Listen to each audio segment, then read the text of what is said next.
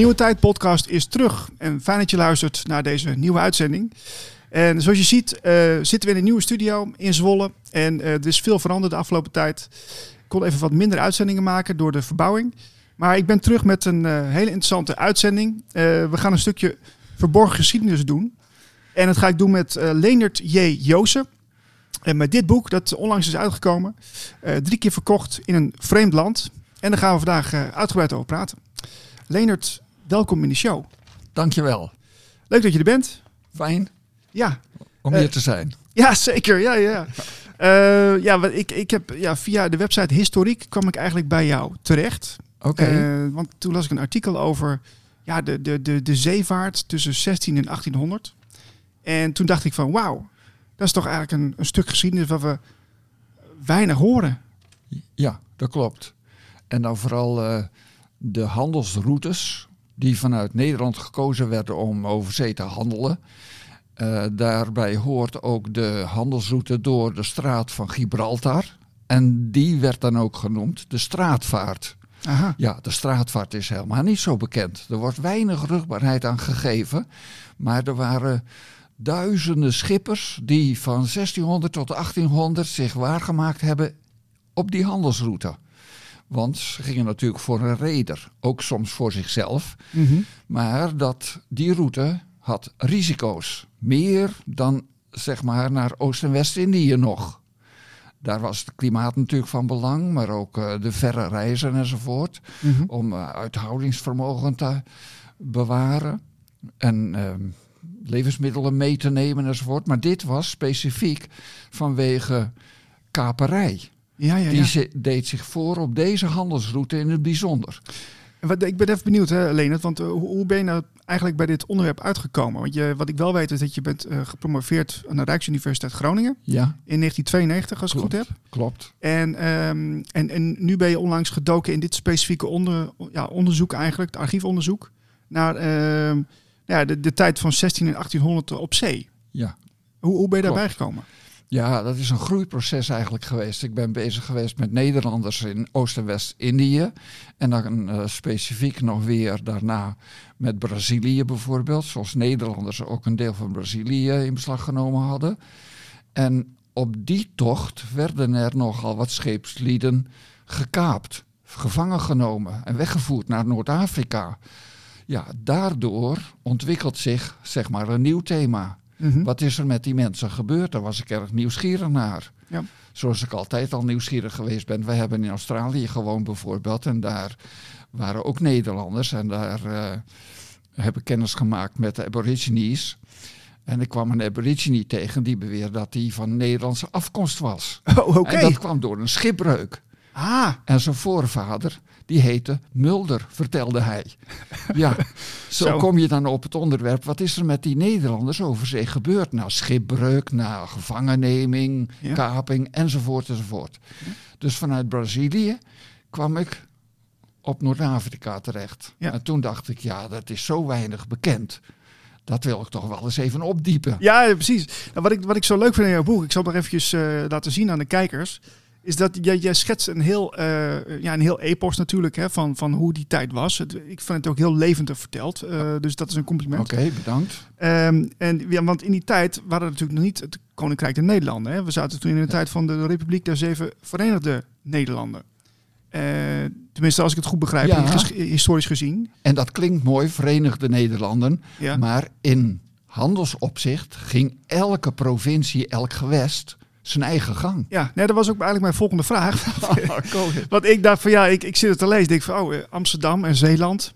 Ging ook niet, niet echt lekker, hè? laten we eerlijk zijn. Nee. Uh, kun je eens wat over vertellen? Wat, wat was dat voor een tijd? Hoe ging dat tussen die... Uh... Nou, Holland, dat was aan Noord- en Zuid-Holland. Dus Rotterdam en Amsterdam. Die lagen nogal in de clinch met Zeeland. Op allerlei gebied, politiek. Maar zeker waar het gaat om het handels de handelsroutes en de schippers en toestemming om te varen en noem het maar op. En allerlei voorwaarden die gesteld werden. Je had bijvoorbeeld op de straatvaart het grote probleem van mogen uh, schepen geïnspecteerd worden.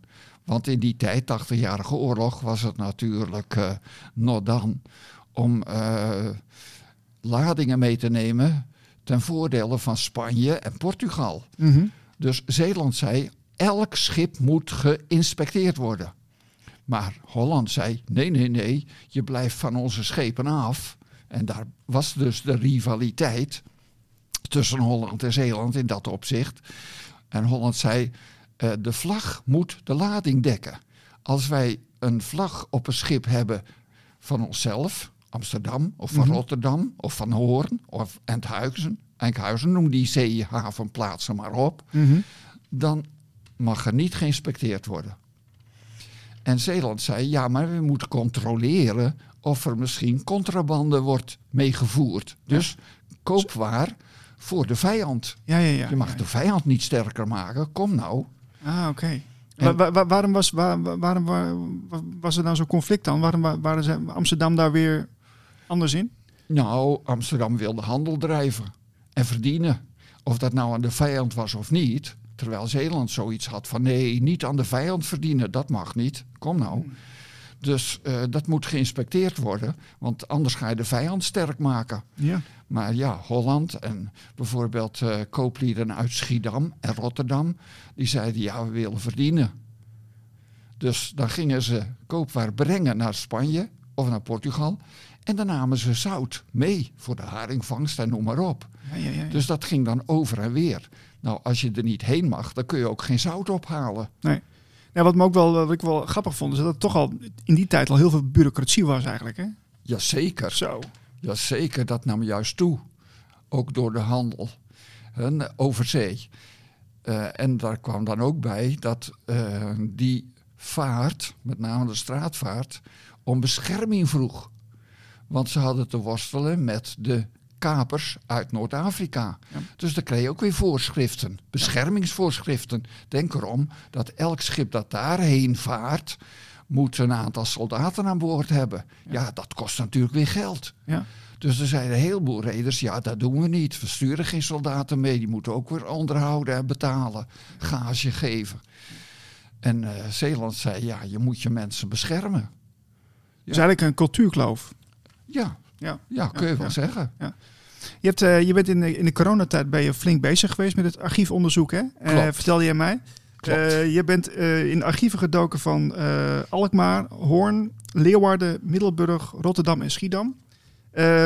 Is, is dat een selectie of kon je nog wat meer te vinden krijgen? Nee, je gaat naar schippers die afgevaren zijn. Het gaat niet om de afkomst van de schippers, maar van waar ze gevaren zijn, van welke zeehaven uit. Nou, dan heb je de g- grote zeehavens uit die tijd, die zaten in Noord- en Zuid-Holland en in Zeeland. Ja. Dus dan kom je op die steden terecht. En de archieven, ja, die eh, waren eh, wel redelijk toegankelijk. Soms moest je erheen, maar veel was ook digitaal af, eh, beschikbaar. Dus dat was erg plezierig. Ja. En, en, en is- was, was het een beetje goed te lezen? Want ik kan me voorstellen, het wordt allemaal natuurlijk met eh, de hand geschreven eh, in die tijd. Kon je er wel makkelijk doorheen komen? Nou, voor mijn studie had ik al geleerd om het 17e eeuwse handschrift te lezen. Dus ja, dat voordeel had ik. Ja. Dat hoefde ik niet meer opnieuw te doen. Nee. Af en toe zat je wel te kijken en te peuteren van wat staat er nou precies. Dus je moest het iedere keer checken, controleren. Om te weten dat je het bij een goede eind had. Dat het een goede schipper was en dat de juiste lading was. En dat het eh, de juiste bemanning was. Want ja, daar werden lijsten van gemaakt. Van de bemanning die gevangen genomen was op zee. Voor de kust van Frankrijk, voor de kust van Spanje en Portugal en op de Middellandse Zee. En eh, ja, die lijsten die waren opgeslagen. Maar die waren natuurlijk niet compleet. Dus bij de berekening van de aantallen die gevangen genomen werden en tot slaaf verkocht in Noord-Afrika, moest je goed uitkijken of dat wel compleet was. Ja. ja, daar wil ik het zo meteen even meer Ja. over hebben. Want jouw boek heeft natuurlijk eh, drie keer verkocht in een vreemd land. Ja. Dus het gaat over de, de, de, ja, slavernijverleden van, van de Nederlanders op zee. Yes. Ehm, als, je, als je nou, eh je, je boek is natuurlijk eigenlijk eh, recent uitgekomen. Eh, denk, denk jij dat, dat we nu eh, het topje van de ijsberg hebben wat betreft eh, dit verleden met, met slavernij? Ja, dat denk ik. Jij denkt dat het nog veel erger is geweest? Eh, Qua aantallen Ja? of qua zwaarte, Nou ja, kwaliteit? Nou, allebei wel, ja. Niet voor niks heeft mijn eh, vriend Schutte, Amsterdamse historicus, eh, dit aanbevolen met de opmerking van... het is een onderwerp gebaseerd op een imponerende archiefstudie... En, het is het res- en als resultaat geeft het een genuanceerd en realistisch beeld van een desondanks bizarre toestand. hmm, Dus eh, hij erkent ook wel dat het eigenlijk toch wel eh, ja, goed in beeld brengt wat er gebeurd is. ja. Ja, je beschrijft in je boek over de manier waarop eh, ook de Nederlandse schepen met andere landen handel drijven. Hè? Dat, dat vond ik ook wel interessant. Ja. Want er er werden dus wel degelijk afspraken gemaakt over eh, het, bijvoorbeeld het kapen van schepen. Hè, dat was op een gegeven moment werd het, werd het zelfs legaal. Ja, Tenminste, de, de, zo heb ik het begrepen. Maar eh, hoe, hoe, hoe, hoe zat het eigenlijk? ja, ik kan me voorstellen dat je dat vraagt. Want kijk, het was de 80-jarige oorlog, het begin althans, hè, van deze eh, straatvaart. En in die tijd was het gebruik dat ondernemers, schippers, mee mochten gaan vechten, oorlog voeren, zonder dat ze direct onder de admiraliteit vielen. Dus met andere woorden, ze hadden geen oorlogsschip, maar ze hadden wel schepen met handel en bemanningen, waarbij ze de vijand ook konden aanvallen. Dus eh, die vroegen een brief van de regering, de Staten-Generaal en Prins Maurits in die tijd, om te mogen vechten op zee. En dus eh, buit te maken op al wie vijand was. En soms had je oorlog met Engeland, soms had je oorlog met Frankrijk, soms met Algiers en met Marokko enzovoort. Dus dan mocht je een kaperbrief verkrijgen. En dan had je de toestemming om privé in de oorlog mee te doen. Oké. En daar kon je een beetje aan verdienen natuurlijk aan de buit. Ja, ja, ja. Deden Nederlanders dat ook? Of was het? Ja. Ja, ja, ja. Elk land had zijn eigen kapers. Elk land. Zelfs Zweden bijvoorbeeld. Maar ook Frankrijk en Engeland en de mannen- landen rond de Middellandse Zee, noem ze maar op. Ja, dat, dat, ik vind het wel interessant om ook de, de, de, ja, de historie een beetje in perspectief te plaatsen. Hè? Want ehm, we hadden het voor de uitzending al even over Michiel de Ruiter. Die komt ook eh, meerdere malen terug in jouw eh, boek, Klopt. eh, in verslagen. En, ehm, want, want eh, ja, kijk, als we, als we, er wordt vaak gezegd van in, in die VOC-tijd wa- wa- waren het stel eh zeerovers, piraten. Dat was eigenlijk vrij barbaars. Eh, de- de- deel je die mening? Nee, niet zonder meer. Er werd onderscheid gemaakt destijds tussen eh, kapers, die dus een kaperbrief hadden. Van de Engelse regering, Zweedse regering, noem de regeringen maar op. En dan denk ik, dan moet je ze uit Noord-Afrika geen rovers noemen, zeerovers. Want die hadden ook toestemming van hun regering om op zee buit te maken van Ja. de vijand. Ja, ja, ja. ja. Dus eh, daarom maak ik onderscheid tussen kapers en zeerovers en piraten. Piraten, dat waren de ergste soort in die zin van dat ze nergens toestemming voor vroegen in geen enkele tijd. Want een kaper kon alleen optreden zolang er tussen het ene en het andere land vijandschap heerste. Ja. Zodra er vriendschap was, dan had je geen recht meer om buit te maken. En kon je ze ook herkennen, die zeerovers? Ja, aan de vlaggen. Oh, dat was, dat was wel duidelijk, sowieso. Ja, Ja, ja. oké, maar dat- Ja, ja. misschien is dat niet duidelijk, dat het altijd wel weer een verrassing is. Maar Nou, kijk, in Noord-Afrika zeiden ze: het is een verwarrende hoeveelheid vlaggen vanuit Neder met Nederlandse schepen. Ja. Want in Nederland was het de gewoonte dat elke stad zijn eigen vlag had. ja, precies. Nou, dan ga maar na dan. Hè? Precies. eh, Ga dat eens onderscheiden. Kijk, Ja. en Engeland bijvoorbeeld, die had gewoon de Engelse vlag. En Zweden de Zweedse vlag. Dat was helder. Maar Nederland, ja, die kwamen uit een bepaalde havenstad. En die vlag die wapperde vrolijk in de wind. Ja. Maar die kapers vanuit Noord-Afrika, die zeiden... ja, wij kunnen geen onderscheid maken tussen al de... Dus we trakteren hen als vijanden. Ja. Ook al was er soms een vriendschapsverdrag gesloten. En dat gold met name met Marokko. Ja, wat, als ik het goed begrijp, uh, de, de, die, die vriendschapsverdragen, hè, want is een tijdje is dan weer vrede, dan is er weer oorlog, dat ging op en af. Ja. Uh, en soms was het ook onduidelijk, volgens mij, of niet? Dat, exact. Dat, dat, lijkt me toch wel raar dat je dus ergens in de Middellandse Zee op een schip vaart en dat je dan, ja, ja, vorige maand was het nog vrede. Ja, wat het deze week is, weten we niet, jongens hoor. Maar uh, ja, het is toch bizar. Nee, dat klopt helemaal. Ja, ja onzeker. Dat, dat, dat, gaf onzekerheid.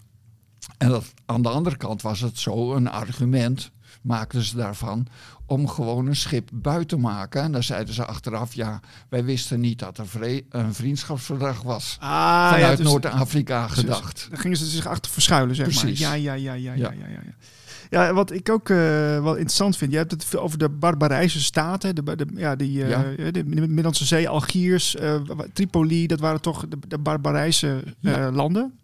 Libië, Algiers, Tunis en Marokko. Dat waren de Barbarijse staten. Ja. En daarom werden die kapers genoemd Barbarijse kapers. Ik noem Ja. ze althans kapers, Ja. geen Barbarijse zeerovers. Nee, nee. Want die naam doet nogal opgeld. Dat Ja. vind ik niet terecht. Nee, kijk, het het is ook afgeleid van barbaar natuurlijk, dus eh, neem ik aan.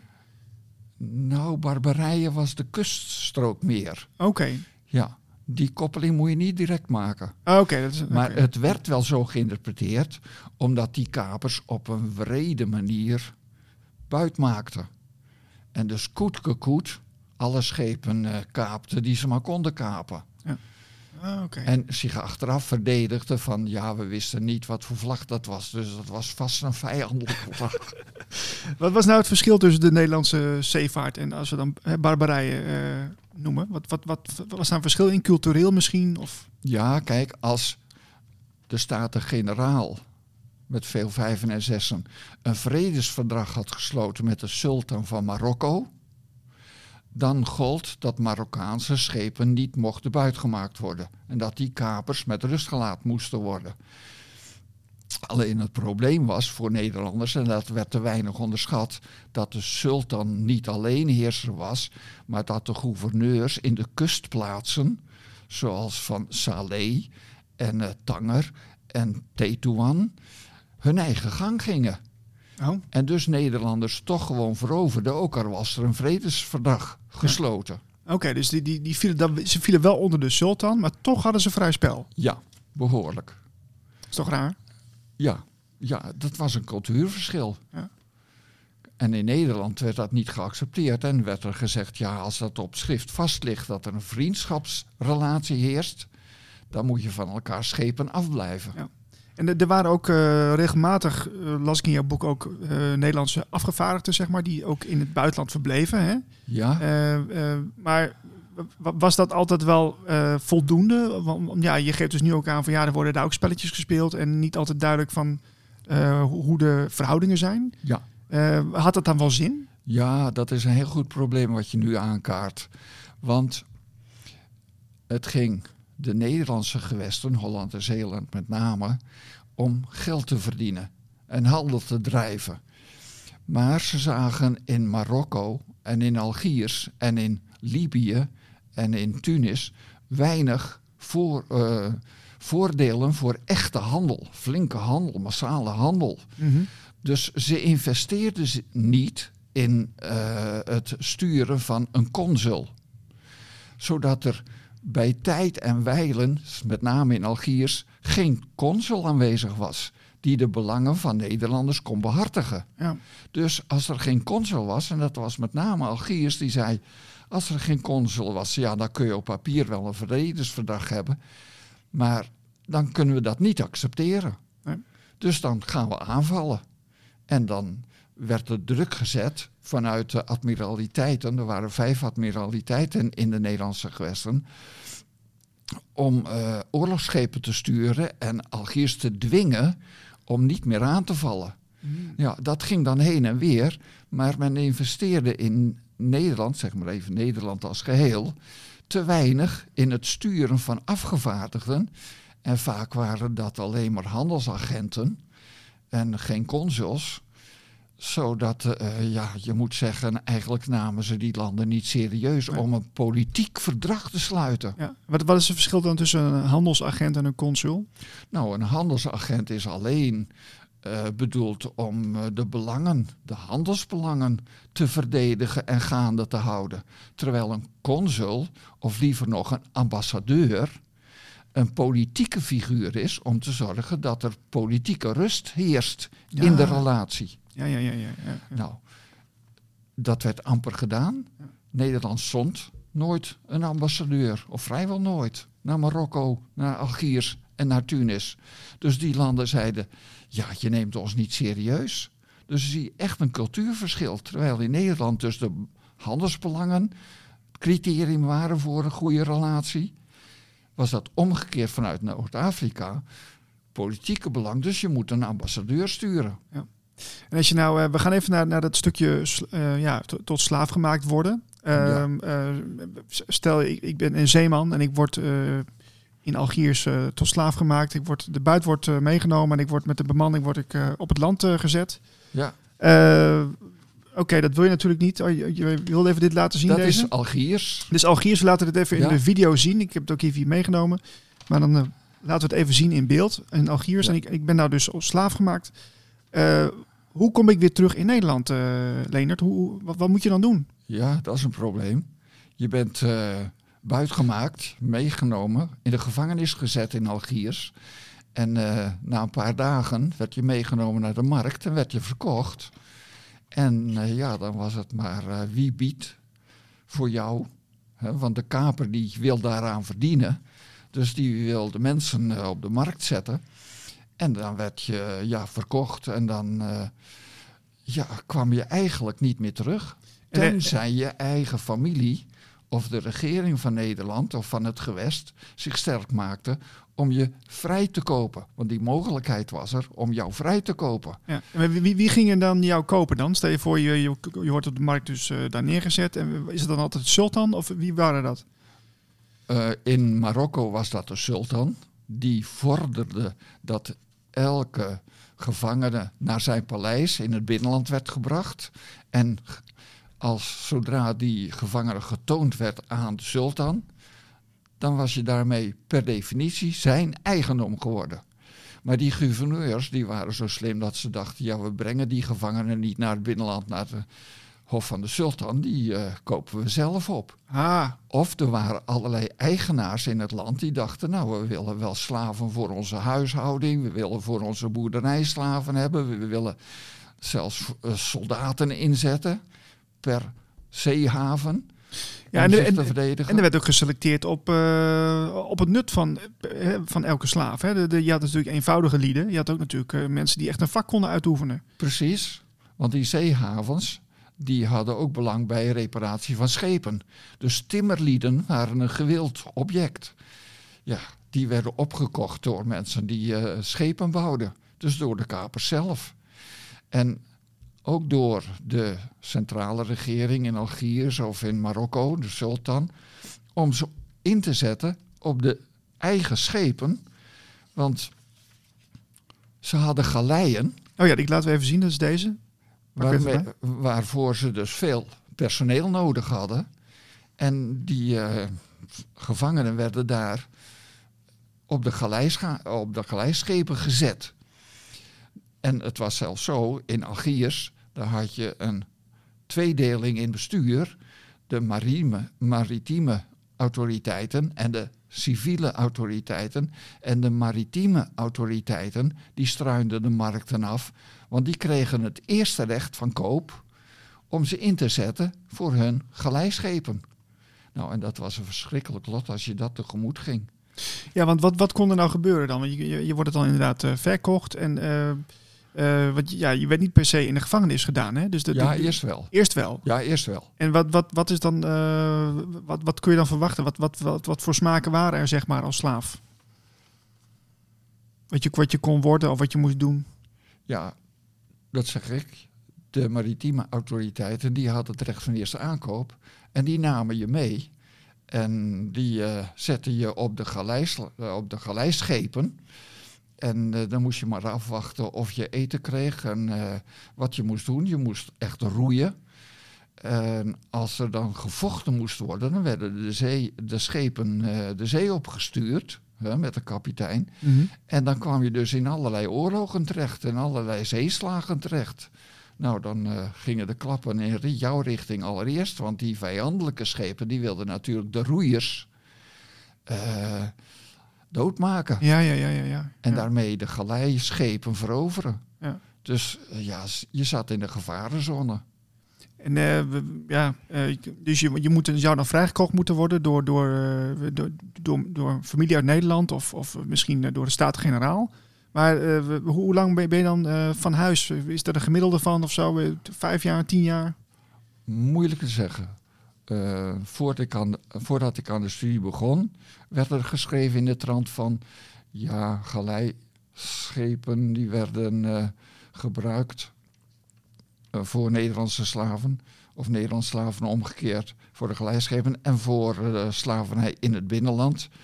En dan duurde het meestal een jaar of vier... voordat je de kans kreeg vrijgekocht te worden. Maar ik heb gevonden echt resultaat van mijn onderzoek, dat het voor veel mensen veel langer duurde. Soms wel een jaar of veertig. Zo.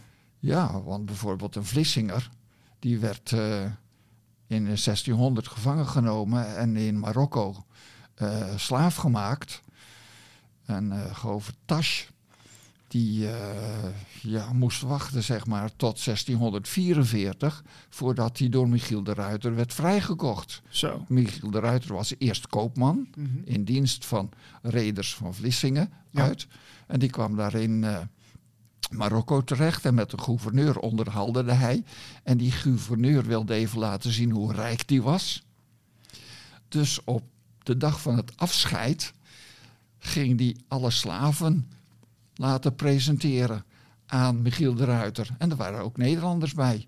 Nou, toen schreef Michiel de Ruiter in zijn rapport: verschrikkelijk. Wat zien die mensen eruit? Ja, ja. Ik wil ze vrijkopen. Maar hij had op dat moment te weinig geld om ze vrij te kopen. Maar enkelen, en dan vooral de kopstukken, hè, zoals eh, kapiteins die gevangen genomen waren, of timmerlieden of wat dan ook, die probeerde hij vrij te kopen. En zo kwam deze man vrij na 44 jaar. Ja. Hij is toch, je krijgt toch een heel ander beeld nu van zo'n Michiel de Ruiter. Hè? Als je dit, dit soort dingen hoort. Hè? Dit is toch eh, ja, heel, heel vredelievend, zou je zeggen. Jazeker. Jazeker. Zodra hij maar ergens Nederlanders over zee tegenkwam, probeerde hij ze vrij te kopen. En dat ontwikkelde zich in sterke mate. Want hoe vaker hij dus met die Marokkanen, Algerijnen, Tunesiërs in aanraking kwam, hoe meer hij eh, de neiging had om ze vrij te kopen. Dus hij ging naar eh, huis terug en vroeg geld mee van eh, ja, wie ook, om dus mensen vrij te kopen. En daar lag ook een probleem in Nederland. Want ja, de Staten-Generaal zeiden en de handelsmaatschappijen. Ja, ik wou net zeggen, want die, die waren niet zo happig. Hè? Die, Nee. eh, die dachten, we bekijken het maar. Helemaal niet. Nee. Die zeiden, ja goed, eh, de schipper heeft eh, de mensen ingehuurd. Dus ja, de reder die zorgt voor de lading. Over en weer, hè, heen en ook terug. En die gaat daarover. Maar de schipper moet personeel ronselen. Ja. Nou, wat, dan moet hij ook maar zorgen dat ze goed terechtkomen. En ik begreep ook uit jouw boek dat het echt per admiraliteit zeg maar, eh, heel verschilt van wat ze eraan willen doen. Hè? Eh, Ja. of zo. Dus dat, dat, dan moet je maar net mazzel hebben dus. Ja, precies. Ja. Want eh, de Zeeuwse admiraliteit die zat er bovenop, maar later ook de Amsterdamse admiraliteit, om opdracht te geven om zoveel mogelijk mensen vrij te kopen. Als ze daar kapers tegenkwamen of in Algiers eh, belanden of in Marokko. Ik las ook eh, meerdere malen las ik één zin eh, in jouw boek wat terugkwam. Dat was namelijk vrij schip, vrij goed. Ja, Wat, wat, wat betekent dat? dat betekent als je een goede vlag hebt, vlag van de vriendschap, dan mag je het schip niet inspecteren en dan moet je de schepen vrijlaten. En daar eh, waren de Noord-Afrikaanse staten het helemaal niet mee eens. Die zeiden elk schip moet geïnspecteerd kunnen worden. Dus eh, ja, met name Holland, die hanteerde dat principe. En die werd dus extra agressief wanneer men de schepen niet met rust liet. En dus wel kaapte. En de bemanning verkocht. En de buit eh, ja, ook verkocht. Ja. Terwijl Zeeland zei, ja, je moet ze laten inspecteren, want dat willen wij ook. Ja, ja er was inderdaad veel eh, verdeeldheid in die zin. eh, Ja. ja. Eh, ik, ik zou graag willen dat je een stukje eh, voorleest uit het boek. Oké. Ehm, dat lijkt me wel leuk, want dat, dat geeft toch mensen ook weer een beetje een indruk van, eh, ja, wat, wat, wat tref ik nou aan? Ja. Nou, ik zou zeggen, heb, heb je hem voor je? Ja, Oké. zeker. Zou je wel in de microfoon willen praten? Dan is dan, Oh ja, ja dus Tuurlijk. z- zoveel mogelijk. Ik kan hem ook wel een beetje bijsturen hoor. Dat je, naar beneden... Oké. Lukt, Ja. lukt, het, lukt het zo? Ja, ja. Oké. Ja, hier heb ik bijvoorbeeld een eh, situatie waarbij men vanuit Brazilië komt om terug te gaan naar huis. En dan gekaapt wordt en gevangen genomen wordt. Bijvoorbeeld Cornelis Sebastiaans Goliath. Hij zit gevangen in Algiers en hij schrijft dan op 12 januari 1642 vanuit Algiers naar Schiedam dat hij de straffen te zwaar, te onmenselijk vindt. Hij ziet mensen na een mislukte poging wrede tormenten ondergaan. Dus vre- wrede eh, straffen ondergaan. Want hen worden neus en de oren afgesneden en wie zich verzet en probeert te vluchten wordt in ieder geval als een vijand beschouwd door de mensen in Algiers. Dus die wordt zwaar onder druk gezet en eh, ja, mishandeld gewoon. Zo, ja. Ja, dat, dit, dit is toch wel eh, extreem, hè? Ja, dat is het zeker. En, en ja, de zwaarte van die slavernij wordt vaak onderschat. Want dan wordt er gedacht, ja, ze werden vriendelijk behandeld en goed behandeld. Nou, dat was in geen enkel opzicht het geval. Niet in de eerste dagen, want dan werden ze in eh, duistere gevangenissen gezet en ze moesten zelf maar voor eten zorgen. Ze kregen amper brood te eten en wat water te drinken. Maar eh, naderhand waren ze onderworpen aan de grilligheid van de eigenaars. En moesten ze hard werken, bijvoorbeeld moesten ze stenen sjouwen vanuit het binnenland met een kar met ezels daarvoor gespannen. En vanuit het binnenland naar de kust, dat was een hele tour, want dat ging van hoog naar laag. Ja. Nou, als je een kar met, vol met stenen hebt, hou die dan maar eens in bedwang. Ja. En die eigenaars die eh, zwiepten op de ruggen van die slaven. Zo van schiet op en eh, zorg dat het goed aankomt. Want die stenen waren weer nodig om de haven te versterken. Ja. En burchten te bouwen of te versterken, te repareren. Dus dat was een onmogelijke opgave. Ja, ja ik vind het toch fascinerend, dit verhaal. Want het- is eh, de periode tussen 16 en 1800. Eh, kun je zeggen, dat is lang geleden. Maar je kunt ook zeggen, het is een, ja, een relatief recente geschiedenis. Eh, eh, hoe, kan het dat wij dat, hoe kan het nou dat dit- wij dat niet weten? Of dat er hier te weinig aandacht is? Want ik heb het niet op school gekregen, dit, dit stuk. Helaas. Ja, nou, ik, vind, ik vind het wel een groot gemis. Ik vind wel dat dit eh, belangrijk is. Maar hoe- heb je daar een verklaring voor? eh?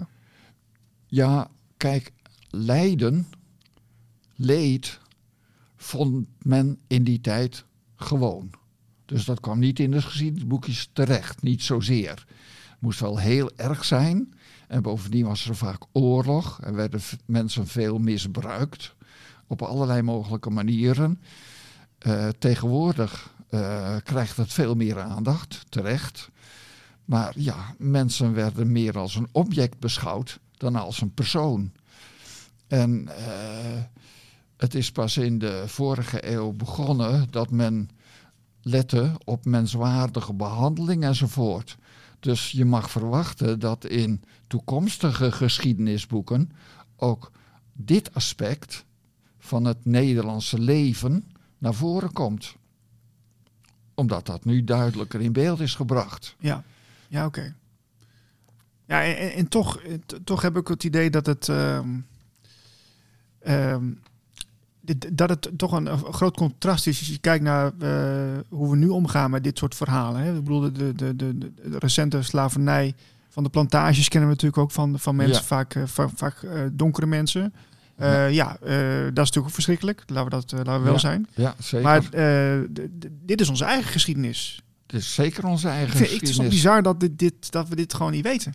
Ja, je moet wel in rekening brengen dat het een versnipperde geschiedenis is geweest. Hè? Want Holland ging zijn eigen gang en Zeeland ging zijn eigen gang en Friesland ging zijn eigen gang. Dus eh, ja, die berichten kwamen niet centraal, zeg maar. Nee, dat is waar. Dat, dit, je moest inderdaad eh, je moest er behoorlijk uh, archiefonderzoek voor doen om dit Yes. te weten te komen. Omdat het uh, ja, Ja. de zevende Verenigde Nederlanden natuurlijk, dat is, hè, Ja, ja, het Ja. was nog niet geen, geen geheel zoals we het nu kennen. Nee. Nee. Ja, oké. dus ja, het is dan ook eh, moeizaam geweest om het allemaal op te dissen. De- kijk, er waren wel lijsten, zoals deze bijvoorbeeld. Het begin, dit is het begin van een lijst van schepen die eh, gekaapt werden en de bemanningen die eh, verkocht waren.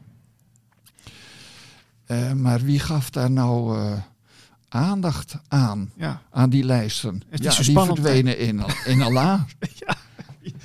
ja, totdat je er tot je erachter komt wat daar nou staat. Ja. Wat, wat, ja, inderdaad. Precies. Jou, jouw boek heeft best wel veel aandacht gekregen, eh, volgens mij, de afgelopen Ja. tijd. Dat vond ik wel, eh, toen ik jou ging eh, researchen, zeg maar. Toen dacht ik van, nou, hoor, die Leendert, die, die is goed bezig. Wat, wat voor reacties heb je gekregen doorgaans? hele positieve reacties in die zin van hé, hey, dat is een geschiedenis die we helemaal niet kennen. En ja, terecht heb je het over een verborgen geschiedenis. En dat open ik eigenlijk in dit boek. Leg ik open en bloot voor iedereen om te kunnen lezen en om zich erin te kunnen verdiepen. Want je moet je er wel even in verdiepen om eh, de situatie goed in beeld te krijgen van wat er allemaal gebeurd is. Maar eh, ja, op deze manier kun je dat ruchtbaar maken. En de reacties zijn dan ook zodanig van: hé, hey, het is goed dat dat bekend wordt. Toch eh, de, de vraag die de meeste mensen eh, nog wel een beetje bezighoudt, denk ik, als ze dit gaan lezen. Eh, hoeveel mensen zijn er nou tot slaaf gemaakt? Hoeveel Nederlanders? Ja, in een, een aantal, een tiental jaren geleden, tot een tiental jaren geleden, werd er gedacht van dat zijn maar enkelingen. Dus in verhouding tot de slaven die vanuit Afrika naar de Cariben en over zee werden gebracht, is dit maar een verdwijnende minderheid. Maar als je alle lijsten en alle gegevens op een rijtje zet, dan is mijn conclusie duidelijk. Het waren minstens 15.000 Nederlanders. En dan heb ik het alleen maar over Nederlanders. En dan heb ik het alleen maar over Noord-Afrika. En laat ik even weg Turkije en Syrië en Griekenland en noem maar op. Dat soort gebieden. Dan zijn het zeker 15.000 Nederlanders op zijn minst die in Noord-Afrika tot slaaf zijn gemaakt. ja eh, van, de archieven waar je tot nu toe beschikking over hebt gehad. Ja. Ja, dus ja, er zijn ongetwijfeld meer. Ja. En sinds mijn boek verschenen is, ben ik eh, al 2000 personen meer op het spoor gekomen, eh, uitgekomen dan ik eerder al wist. Met andere woorden, hoe langer je onderzoekt, hoe meer mensen er boven water komen die tot slaaf gemaakt zijn. En ik schat dat zo eh, hooguit een vijfde deel werd vrijgekocht en weer terugkwam in eigen gewest. Wat, wat, wat, eh, wat vind je nou, eh, als je toch een anekdote moet noemen uit jouw boek, wat vind je het meest treffend? Nou, het meest treffend is dit op het thuisfront bekeken. Dat niet de regeringen, niet de overheden, ook niet de kooplieden, maar de gezinnen moesten zorgen voor een bedrag om vrij te kopen. En met name vrouwen hebben zich ontzettend krachtig laten gelden om eh, de burgemeesters en de reders ertoe te dwingen mee te helpen dat er geld op tafel kwam via collecten. Ze liepen langs de straten met een bus en met een intekenboekje. Maar de kooplieden en de regeringen moesten gaan meehelpen om dat geld ook over zee te krijgen. Want dat konden de vrouwen zelf niet doen. Ja, ja. Dus dat vind ik het intrigerende. Dat de eigen familie moest zorgen dat hun eigen verwanten terug konden keren. Ja, je kunt je toch haast niet voorstellen. Dat je, stel je voor dat je nu gewoon eh, ja, een dierbare ergens hebt zitten eh, in, in, in een ver land. En je, je, ja, nu doen we even een berichtje of een, of een belletje. Maar Ja, dat was, dat was bizar natuurlijk. Ja, de overheden die zeiden in het algemeen gesproken althans, zoek het maar uit. Ja, Ga maar naar de schipper die je man of je, eh, je zoon geronseld heeft. Want vergeet niet, de bemanning van een schip bestond vaak uit familiegenoten. Want de schipper haalde zijn bemanning uit de eigen dorp, eigen stad. En als er één schip gekaapt werd en de bemanning verkocht, dan waren dat vaak leden uit hetzelfde gezin. Ja, en daarom is het zo bizar dat eh, die vrouwen het zelf moesten opknappen. En dat men, als men een beroep op de overheid deed, de eerste reactie was van ja, ga maar naar de schipper. ja. Of eh, zoek het maar uit. Ja. Maar langzamerhand ontstond er steeds meer medewerking. En dat met name in Friesland en in Zeeland gingen de gewestelijke overheden zich erover ontfermen, zodat de staten geld beschikbaar stelden als aanvulling op collecten om het gewenste bedrag op tafel te leggen. Ehm, wa- wa- wanneer hield deze slavernij nou eigenlijk, slavernij nou eigenlijk op, eh Leendert? Met de Franse revolutie. Oké, Want toen eh, werden de Barbarijse staten gedwongen om niet meer te doen aan kaperij. en wanneer- wa- wa- wanneer- 1800. 1800. dus gewoon, 1800, oké, ja, Ja, ja. Er is eh, nog een hele expeditie geweest naar Algerije eh, met oorlogsschepen, Nederlandse en Engelse oorlogsschepen. En die hebben Algiers onder druk gezet om de kaperij te stoppen en alle gevangenen vrij te laten. Dat is ongeveer 1810 geweest. Nou, sinds die tijd is dat niet meer gebeurd. Nee, precies. En de, de, to- toen, ja, de, de Nederland als grootmacht was toen ook al eh, natuurlijk minder geworden. Hè? Dat was Ja. eh, na de Gouden Eeuw. eh, Ja. ja. Zeker. Na Ja. 1705 wordt de macht van de republiek steeds minder. Merk je dat ook ergens in verslagen? Kun je dat ergens uit opmaken? Dat je denkt van, hé, hey, eh, ik zie wel dat de, dat de verhoudingen anders worden of zo? Ja. Ja, ja, ja. Ja, want dan gaan de Barbarijse staten zich steeds minder eh, richten naar wat vanuit Den Haag gezegd wordt. Ja, ja het wordt minder belangrijk natuurlijk. Ja, Ja, zeker. En dan kijken ze naar Londen, met name. En naar Parijs. En die zijn dan in opkomst in die zin, ten opzichte van Noord-Afrika althans, dat ze niet meer durven aan te vallen, schepen durven aan te vallen. Ehm, als, eh, ik, ik kan me ook voorstellen dat m- geschiedenisleraren of zo hier naar kijken. Dat je denkt, wel interessant. Eh, wat, wat, wat, eh, wat, wat leren we hier nou eigenlijk van, van jouw onderzoek? Ja, we leren dan wel ook de geschiedenis goed te bekijken naar alle aspecten. Niet alleen naar de, de, waar het meeste verdiend werd, maar ook naar welke ja, landen eh, er gekeken werd om eh, politieke hulp te krijgen. Want zo is het eigenlijk begonnen met Marokko. Prins Maurits hoopte op de steun van Marokko ten opzichte van Spanje. Ah, Want Marokko en eh, Spanje waren water en vuur. Vandaar dat prins Maurits keek naar Marokko. En ja, daarom is die geschiedenis ook belangrijk. Ja. Dat je niet alleen kijkt van met, eh, met wel- welke handelsrelaties waren er met Oost- en West-Indië bijvoorbeeld, of met eh, Turkije of met Syrië. Want Aleppo was ook een belangrijke handelsstad voor katoen en noem maar op. Maar dat je ook kijkt welke politieke belangen konden er gediend worden. Ja. Dus ja, Leendert J. Joosen en eh, zijn boek Drie keer verkocht in een vreemd land. Eh Leendert, dank voor je tijd. graag gedaan. Eh, wij zijn er binnenkort weer met nieuwe uitzendingen in deze studio. Wil je het allemaal volgen, dan kun je een mailtje sturen naar info.blikopdemaatschappij.nl. Ontvang je regelmatig een update van de, de ontwikkelingen in de studio, waar ook lezingen zullen plaatsvinden. En natuurlijk regelmatig podcasts, zoals je het gewend bent. En volg ons natuurlijk ook even op YouTube. Abonneer op onze kanalen Spotify, Apple, Google. En dan eh, ja, ben je elke keer op de hoogte met nieuwe uitzendingen. Dank voor het kijken en tot de volgende keer. Bye bye.